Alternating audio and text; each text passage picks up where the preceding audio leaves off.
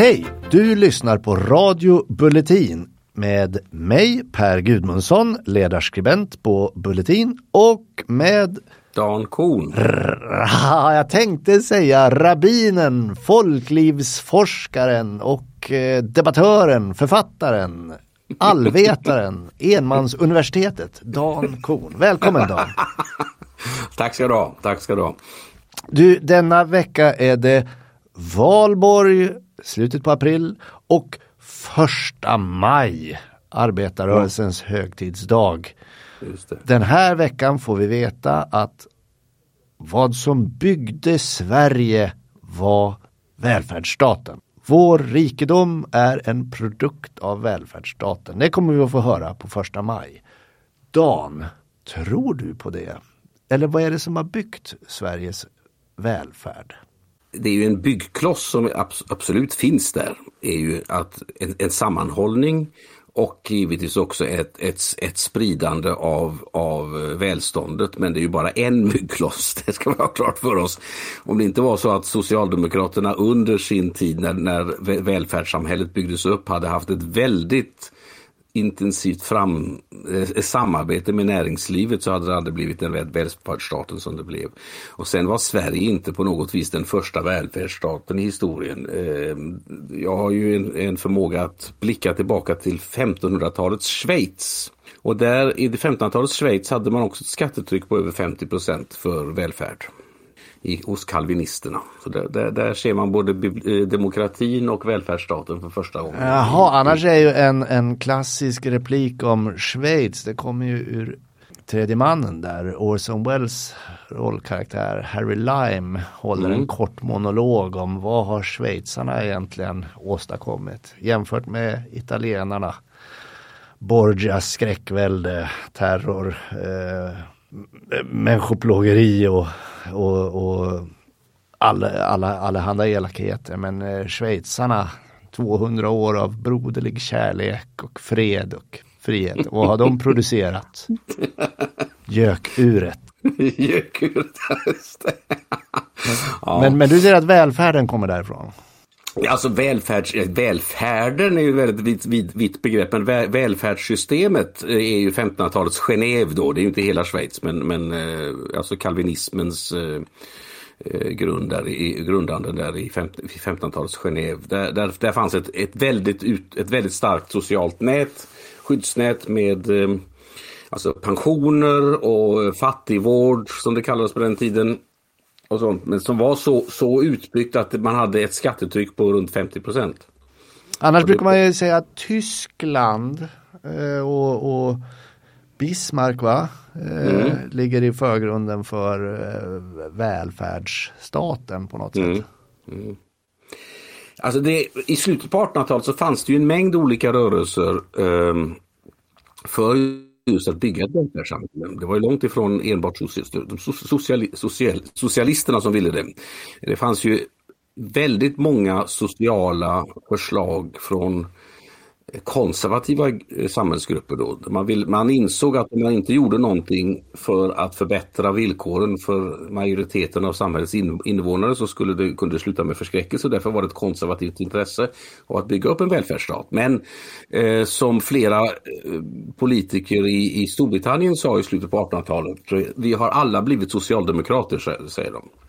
Alltså det, det, socialismen vid den tiden var en så stark våg att alla de här andra initiativen och så vidare, de liksom slukades upp av socialdemokratin och, och, socialismen får man säga. Då. Det var ju så pass tidigt så att man inte riktigt hade differentierat mellan kommunism och, och, och eh, socialdemokrati. Då.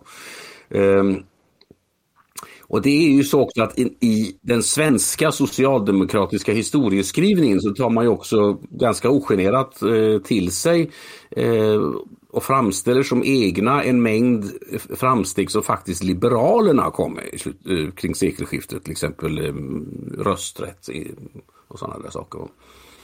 Men vi vet, vi, vi, vi vet ju ändå att Sverige blev ett väldigt rikt land. Vi gick mm. från att vara faktiskt eh, på många håll eh, på svältgränsen på början av 1800-talet eh, och så sen under 1800-talet blir det ekonomiska reformer och på 1900-talet växer det fram en industrination på ett helt nytt sätt mm. i Sverige.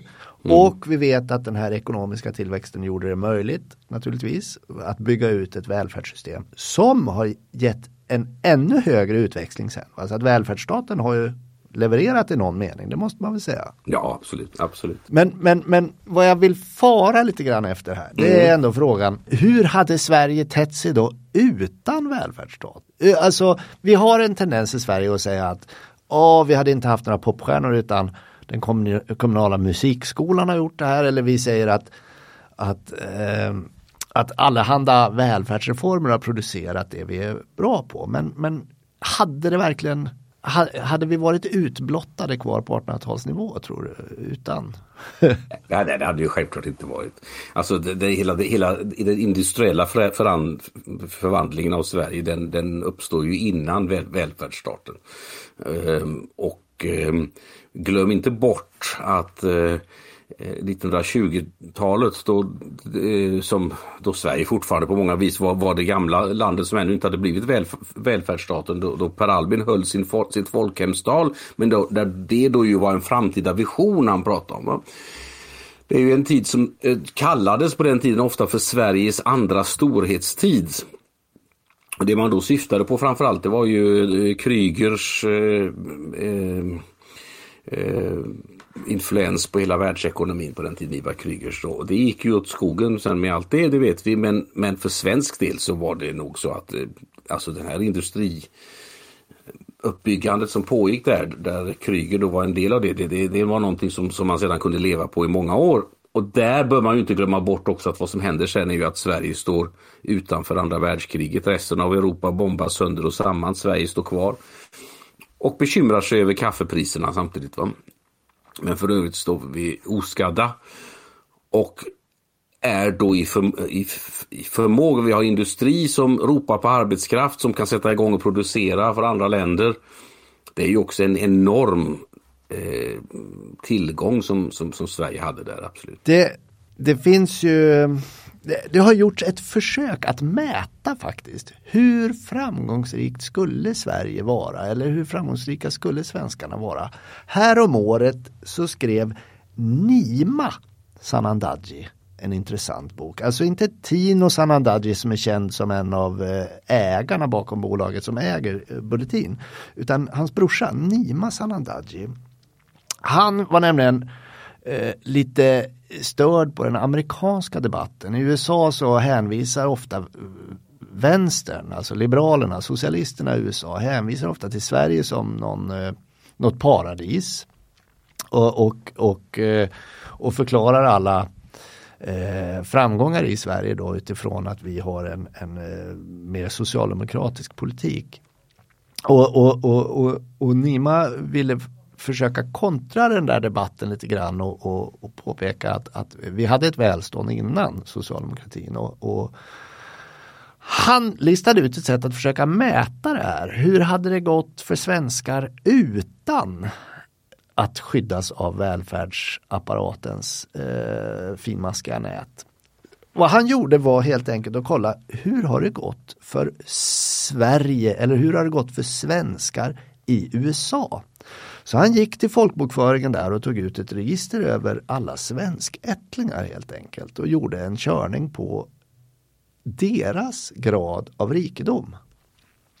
Oh, så då kunde han då jämföra, då kunde han då jämföra eh, hur, hur välmående är svenskar i Sverige med detta sociala skyddsnät och, och mm. hur välmående är så att säga svenskar i USA utan detta skyddsnät. Och det visar sig då, eh, om man får tro Nimas bok, att det gick, lika, det gick bättre. Alltså, det, svenskar var en mer framgångsrik folkgrupp i USA än eh, vi är i Sverige. ja. Det är intressant, mycket intressant. Vad beror det på? Ja, alltså, Alltså en sak vi inte ska glömma bort här det är ju det resonemanget vi hade förra veckan när jag ville använda ord, den lilla orten i Västergötland, Tibro, som exempel på. Och där um, jag sa Timbro och det ja. fångade ju Alexander Bard upp och gjorde en stor poäng av. Men alltså det ligger ju en del i detta. Alltså, när människor flyttar när det, när, så är det ju de som har störst initiativkraft som flyttar. Så det är ju en inte oväsentlig ingrediens i varför det går bättre för de som flyttar än de som stannar kvar. För det är, är inte en generellt urval av människor rätt över som flyttar till ett annat land. Det gör unga människor med initiativförmåga. Det är någonting vi behöver, behöver komma ihåg. Men sen givetvis så är det ju så att om det är så att du inte har möjlighet att leva på statens bekostnad och du måste jobba för att eh, försörja dig eh, så kommer du också göra det. Och då kommer du också bli mer framgångsrik för att, eh, för att leva på staten är ingen, är ingen modell för, fram, för framgång. Jag, eh, jag var tvungen att, att, titta ner i telefonen för att ta fram titel på den här boken på mm. Nima. Den hette Debunking Utopia Exposing the Myth of Nordic Socialism från 2016. Mm. Den var eh, alldeles lysande. Den innehöll ju inte bara välstånd utan den innehöll ju en massa parametrar av, av, av det vi, vi betraktar som specifikt svenska grejer eh, som, som han då kunde mäta fanns i exakt samma omfattning i, i, eller ja, i större omfattning då i USA bland mm. svenskarna. Mm. Annars har man ju läst, annars har man ju läst skildringar, jag tror det var väl eh, Sleepy Hollows, eller vad hette boken som en svensk historiker gav ut? Eh, uh, du menar Swede, Ja, om, om en, Sweet Hollow. Ja, ett, ja, just det. Mm. Ett, ett svenskt mm. getto så att säga. I, ja, av Ola Larsmo är boken. Ja, just det. Ett svenskt mm. getto i det, mm. vad ska man säga, förindustriella USA. Uh, och, och, där, där vi hamnar på, eller svenskarna då hamnade på samhällets botten. Mm. Och, och, och, det skulle väl indikera att det kanske inte uh, nödvändigtvis var de mest driftiga som hamnade där, eller? alltså det, det, är alltså, det, jag har diskuterat det där med Ola Larsmo faktiskt. Alltså det han vill visa i boken är ju att det, det är inte enbart en framgångssaga, eh, utvandring och så vidare. Det, det, det fanns sådana här exempel också. Va? Och det kanske han, enligt mitt tycke, gör en lite för stor eh, affär av. Därför att det finns ju alltid människor som inte hamnar rätt i tillvaron och så vidare. Och, och, och dessutom, så, om man läser hans bok så är det ju så att ganska uppenbart att efter ett tag så flyttar ju svenskarna från Swede Hollow. Därför att de får det bättre ställt, de vill inte bo där längre. Och det är istället andra invandrargrupper som flyttar in. Och eh, Ola Larsmo har själv sagt till mig till exempel att i, de, i den här berömda kvarteren i Chicago där svenskarna bodde i början på 1900-talet som kallas för Snuff Avenue för att det var snusgatan alltså för det var så många eh, svenskar där och de, de snusade. Där bor ju idag somalier. Svenskarna har flyttat ut till bättre områden för länge sedan och istället så är det de nya invandrargrupperna i USA då, som då, då, då är somalier. Och somalierna i USA är ju intressanta därför att det har gått bättre för dem, säger folk. Jag är inte någon expert på somalier på något vis, men jag förlitar mig på vad andra säger. Det har gått bättre för somalierna i USA än vad det går för somalierna i Sverige.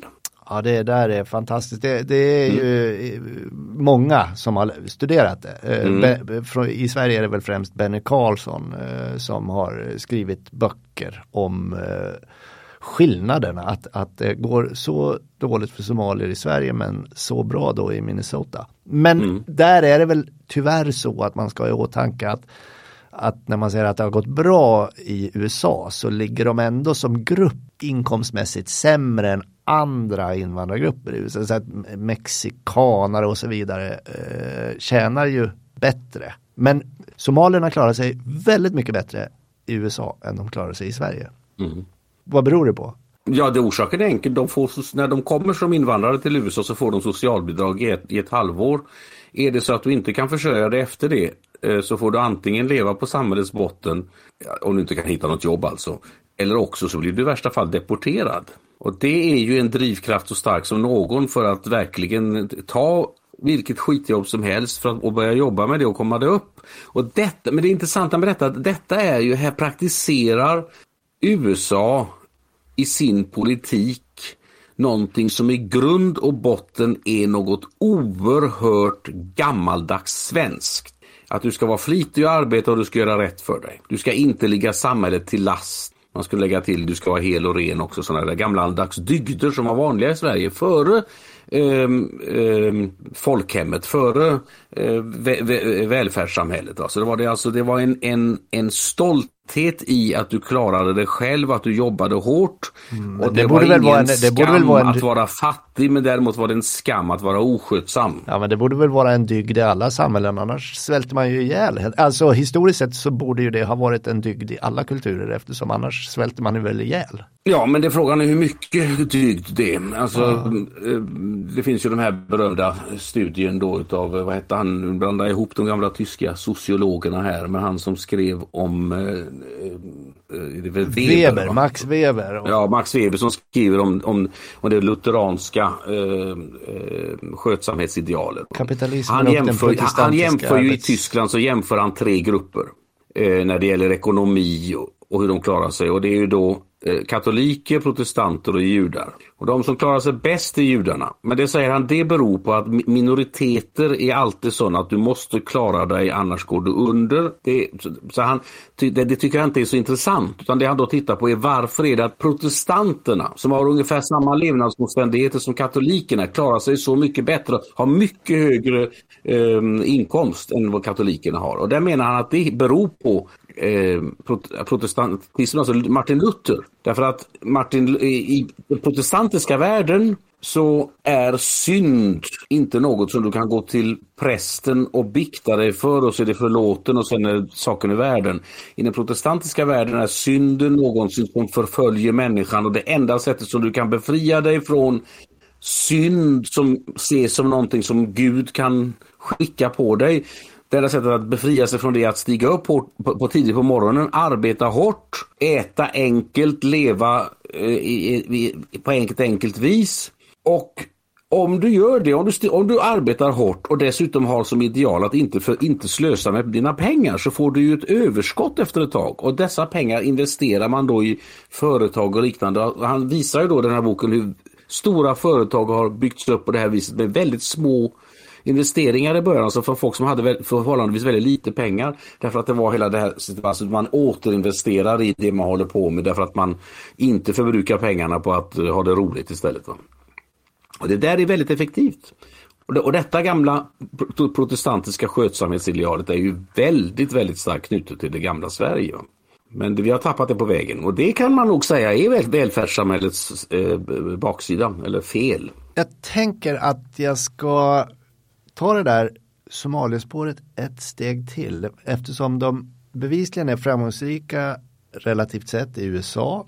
Även i England jämfört med Sverige tror jag somalierna går bättre. Och det finns väl många berättelser till och med om, om hur somalier reser från Sverige när det har gått dåligt eh, med arbetsmöjligheter och så vidare och tar sig till, eh, till England eh, för att istället eh, bygga upp ett liv där. Ja, det är väldigt enkelt att se det. Varenda gång jag har varit på svenska ambassaden i London för förnyandet av pass eller sånt där så är det alltid en kö med somalier utanför. Alltså det finns väldigt många somalier med ett svenskt pass som bor i framförallt i Birmingham-området. Och många av dem säger ju det att, att i, USA, i Storbritannien har de haft möjligheten att förverkliga den dröm de hade när de kom till Sverige men som de inte kunde förverkliga i Sverige. Du, du sitter i Manchester just nu Dan. Vad, vad ser du utanför dig? Är det fint väder? Ja, det är faktiskt mulet och grått just nu men eh, och så ser jag från mitt fönster så ser jag ut på sån här typisk engelsk bakgata vet du, där man förr hade dassen och kolkällarna men där det numera är lite, lite vackrare. Men det är ändå ganska schabbiga hus. Men eh, hur får du plats med din stenkakesamling där då? Den har jag hemma i Sverige. Du har den hemma i Sverige? Ja, ja. Så den får inte åka med. Den får inte åka med. Men jag tänkte, jag, när, vi är inne, när vi är inne på det området så tänkte jag att vi, vi ska ju spela en sån där gammal skiva i varje program och då är det ju valborg denna veckan. Och sen är det dessutom så är det ju första maj. Och då är frågan för mig då var när jag valde ut igår kväll när jag var i Sverige. Valde ut en lämplig skiva att spela idag ur, ur förrådet i mammas källare då. Så tänkte jag så här, ska jag ta eh, Kalle Julabo när han spelar Arbetets söner eller Internationalen? Eller ska jag ta eh, någonting som har med Valborg att göra? Och det var Valborg som segrade. Så jag tänkte att eh, denna vecka så ska vi lyssna på ett nummer som är eh, så svenskt det kan bli när det gäller just valborgsfirande, nämligen Fest hos Gustavsson med Kalle Nämndeman från 1928. Vart man ett lamm i Birka fram emot elva cirka ett par tre dragspel gnälla massor av korkar smälla skärvor av glas som falla ungdom som högljutt tralla salvor av skratt som skalla Säg vad är det då?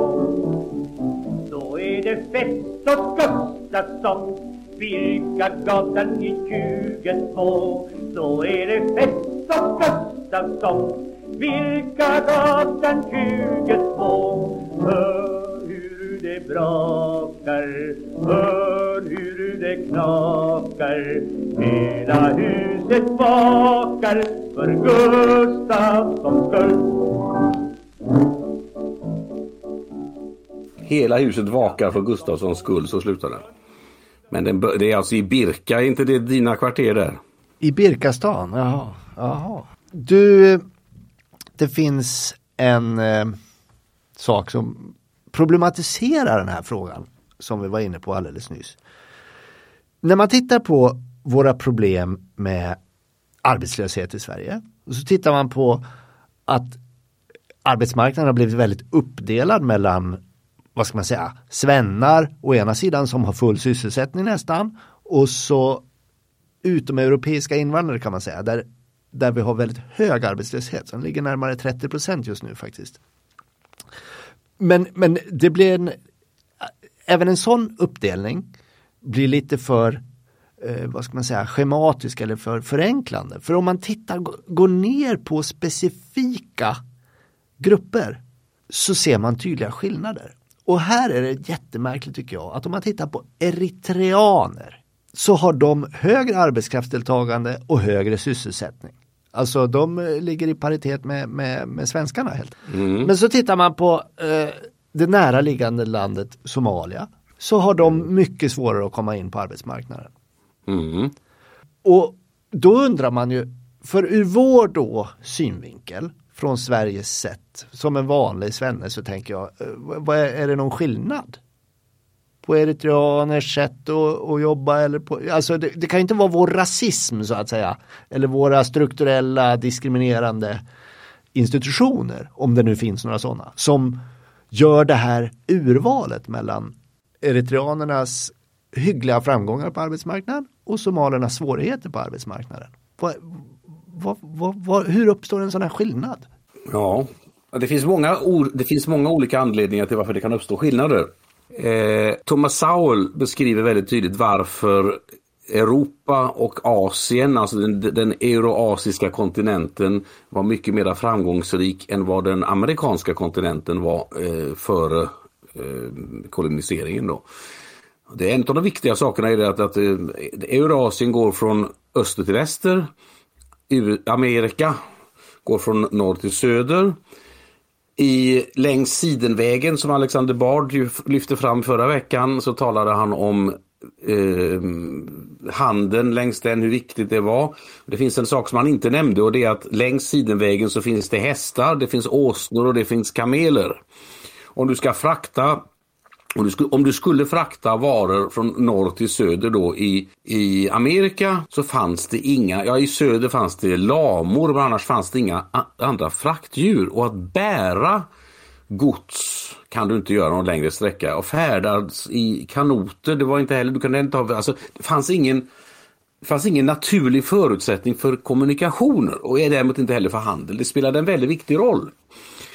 Men sen finns det ju ytterligare en annan sak som inte skall förnekas även om jag vet att det jag kommer säga nu är väldigt utmanande. Ja.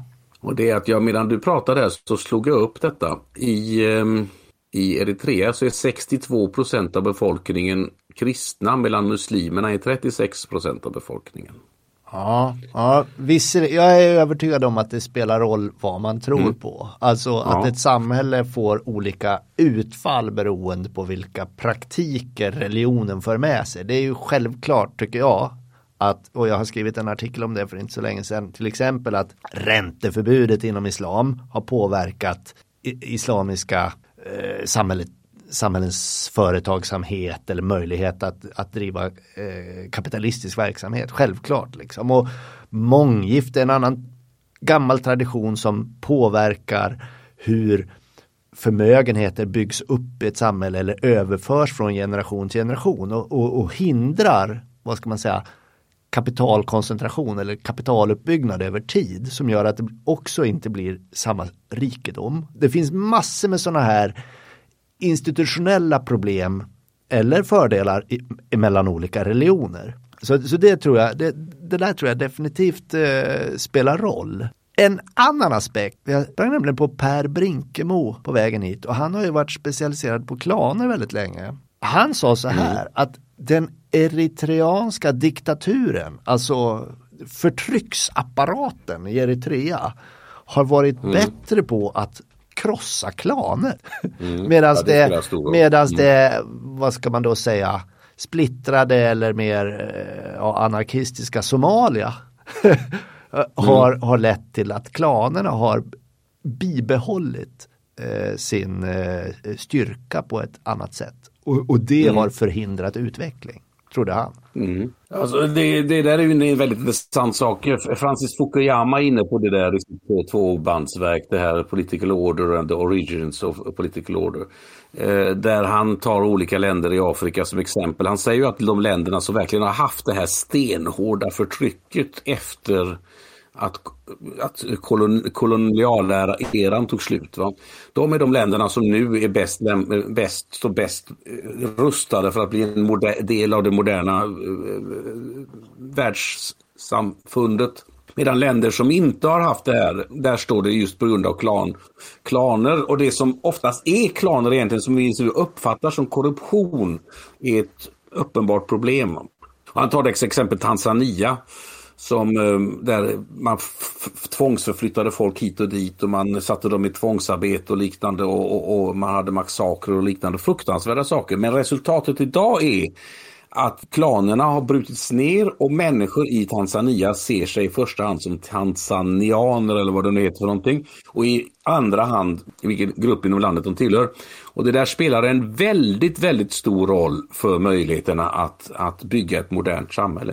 Men då ställer han ju då frågan, ska man verkligen låta länder gå igenom en tid av det här förskräckliga förtrycket för att i slutprodukten blir så mycket bättre eller finns det någon annan väg? Nej, visst, det, är ju, det hade... där är ju lätt för oss att säga. Vi hade vår Gustav Vasa på 1500-talet då. Och precis, så, precis, så det skulle mm. vi kanske inte rekommendera till ett utvecklingsland just nu. Nej, nej men det, det, det, spelar roll alltså. Det går inte att komma ifrån att det spelar roll.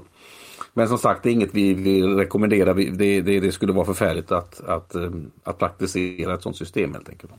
Men det, det, det, funkar ju som något av en förklaring i alla fall. Eh, men det här, det här, eh, det här leder ju in oss återigen på, på Sverige alltså. Ah, ja, det var väl kanske inte så konstigt att Bulletins eh, podd skulle komma fram till att arbetarrörelsen eh, skönmålar utvecklingen i landet till sin egen favör och att vi kanske ser några andra spår här. Eh, men om vi nu låter sossarna fortsätta utveckla landet, kommer det att gynna vårt välstånd eller inte? Vi sa ju ändå att, att välfärdsapparaten har fungerat. Hade Socialdemokraterna fortfarande styrts av Per Albin Hansson och det hade varit verkligen den gamla typen av socialdemokrati, en sorts konservativ socialdemokrati parad med en måttlig form av nationalism så tror jag faktiskt att jag själv hade varit socialdemokrat. Så att ehm, men det är ju inte så det ser ut längre. Alltså jag, det är ju inte utveckling av landet som, det är, som hägger under, det är ju avveckling av landet de håller på med. Eh, på ledarsidan på Bulletin har vi några gånger blickat ut mot Danmark när vi har tittat på socialdemokratins utveckling. Och mm. Eh, där har man ju efter att ha förlorat några val till vänstre då, alltså motsvarigheten till Folkpartiet i Danmark som eh, slogs ihop med de konservativa eller de moderata och, och med Dansk Folkeparti. Efter att ha förlorat några val till den koalitionen så gjorde socialdemokratin en omläggning av sin primärt då migrations och integrationspolitik och mm. vann plötsligt tillbaks allt gammalt stöd. De hade liksom eh, varit nere på jättedeppiga siffror för att vara Socialdemokraterna, du vet sådär 10-15 procent. Men, men nu ligger de på 30 procent i mätningarna hela tiden och eh, har återvunnit folkets kärlek. Medan de här Dansk Folkeparti och, och eh, Vänstre får gå kräftgång istället. Och, och, och Dansk Folkeparti har till och med förlorat sitt eh, raison d'être nästan. Eh, mm. Tror du att det kommer att hända i Sverige? Nej, det tror jag inte. Och det, det, som, och det, beror, det, ska, det, kan, det, det beror inte på um, Stefan Löfven eller vad heter hans uh, motsvarighet i Danmark. Uh, Hon. Utan det, beror på, det beror på att vi har i Danmark så hade vi biskop Grundtvig och i Sverige så hade vi Rosenius på 1800-talet. Danmark och Norge, Norge hade de Hauge, alltså den tidens väckelsepredikanter i både Danmark och Norge så betonade väckelsepredikanterna i oerhört stor grad vikten av skötsamhet och arbetsamhet och att du kan bygga upp ett kapital, att du har ett personligt ansvar, att med individualism så följer ett personligt ansvar. Både Grundtvig och Hauge var dessutom inblandade i hur man kunde förbättra jordbruk och fiske och liknande. Medan däremot Rosenius i Sverige mycket mer betonade en annan sida utav samma Eh, lutherska lära, nämligen att det var synd om syndaren. Och att eh, det blev liksom en sorts, vad ska man kalla det, en mera en mera tycka synd om inställning till människan. Alltså det var, människan var hjälplös och människan hade bara nåden att be om. Man betonade väldigt mycket nåden, Guds nåd. Men, och det ser väldigt många människor i Sverige som något väldigt vackert och något positivt. Det kan det vara också på ett sätt. Men samtidigt så är det så då att man liksom tar ifrån individen dess personliga ansvar. Och det är en, en, en viktig sak. Varför i, i Danmark så har man den här inställningen att eh, Ja, men jag har ju betalt skatt och ska jag sen ha nog få pengarna? Ja, alltså, medan, och det, det är helt acceptabelt att säga i Danmark. Medan om någon i Sverige säger samma sak på svenska, vad fan får jag för pengarna? Då blir det uppror i landet. Va? Mm. Ja, jag hade ju egentligen inte tänkt att det skulle bli så, eh, det här programmet. Eh, men eh, det visade sig att, att vår frågeställning om eh, vad som kom först av välståndet eller välfärdsapparaten det handlar lika mycket då om vad som kom först mellan valborg och första maj. Var det traditionens valborg eller arbetarrörelsens första maj? Och nu kan vi väl då efter det här samtalet fastslå att det var valborg som kom först. Valborg kommer först, det kan vi, det, det, så, är det, så enkelt är det. Ja, jag, jag drar det här mot slutet. Du brukar spela en eh, sån här skrattskiva. Jag... Ja, det gör jag. Och eh, idag tänkte jag jag skulle spela en riktigt, riktigt gammal sak. Det kommer vara den äldsta skivan som har varit med i det här programmet hittills. Och den är inspelad 1901. Men numret som sådant är ännu äldre för att det var så att när eh, alltså, alltså det inspelade ljudets historia, då vet du att i början så var det Thomas Edison som uppfann eh, eh fonografen. Och i början så på 1877 var det då, då spelade man in på, på staniol och det gick sönder efter ett kort. Det var hördes förskräckligt. Det var mest bara fantastiskt att man kunde spela in någonting. Men 1889 så, la, så lanserade eh, Thomas Edison vaxrullar som man kunde, och maskiner man kunde köpa vaxrullar och, och, spela in sin egen röst hemma. Och i samma veva så kom då ett par personer på att ja, men folk vill ju ha underhållning. Ska vi ha artister som de kan, som, som de, vi, vi, vi, vi köper en massa sådana här vaxrullar spelar, spelar in artister som sjunger någonting trevligt eller talar och berättar och så vidare. Och så vill folk lys lyssna på det vid sina, vid sina fonografer där hemma. Och samma år, 1889, så uppfann eh, Emil Berliner att istället för cylindrar så kunde man ha platta grammofonskivor istället. Så där börjar en konkurrens mellan de här olika mekanikerna uppstå där. Och det var ju grammofonskivan som vann eh, fonografen försvann i början på 1900-talet. Men, och, och, men artisterna kunde göra samma sak på båda skidorna. Så det var en artist, en, en svart man, före detta slav, men ganska välutbildad för att ha den bakgrunden, som stod vid färjan mellan Brooklyn och eh, eh Manhattan. Och eh, uppträdde där som gatusångare och han hade ett par nummer på sin repertoar och en av dessa nummer var en komp egen komposition The Laughing Song, skratt, skrattvisan. Och den här eh, sjöng han in på eh, fonografrullar 1889. Och då var det så att i början så kunde man alltså inte reproducera fonografrullarna. Utan han fick stå och spela in rulle efter rulle efter rulle. Man ställde kanske fyra, fem fonografer framför honom. Och så fick han sjunga framför dem. Och sen bytte man rullarna så satt han igång. Så han fick stå där och sjunga det här numret 51 gånger. Och sen när grammofonskivan kom så var det också så att de första grammofonskivematriserna höll bara något år för att de slätts ut sen. Så han fick gå till studion och sjunga in samma nummer gång på gång på gång på gång igen.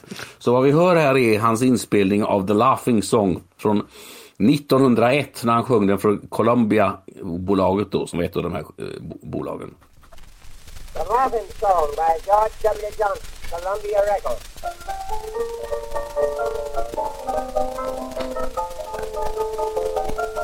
As I was coming around the corner, I heard some people say, Here comes the dandy darky, here he comes this way. His heel is like a snowplow, his mouth is like a truck, and when he opens it, jiggity, you will see a people dapper that I laugh. I got not help from laughing.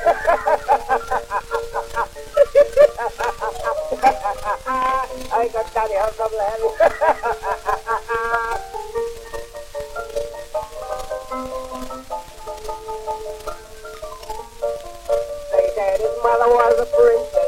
father was a prince, and he'd been the apple of their eye, had nothing to quench. But being the king of Ashburn, sweet by and when I heard them say by,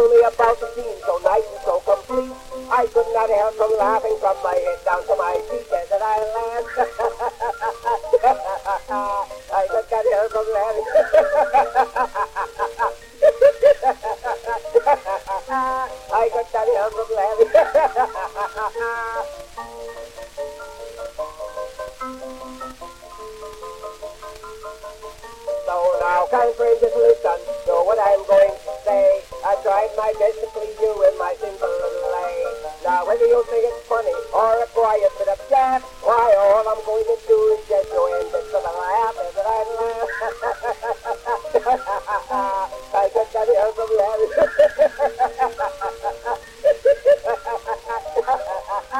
I got that help from. Ja, jag kan den där. Eller jag, jag kan den inte men jag, jag, på, jag påminns om att jag, jag tycker det låter som skiffelgrupperna i början på 60-talet som spelade in någon Cannonball Webbers sång eller någonting sånt. Som lät sådär hela tiden. Uh, in, inte någon genre jag eh, fastnar för riktigt. Men med detta Dan säger vi tack för den här gången till lyssnarna som stod ut med ännu ett avsnitt av eh, kuriosa och eh, samhällskritik. Och hoppas att eh, de kommer igen då till eh, nästa vecka. Ja, det hoppas jag med.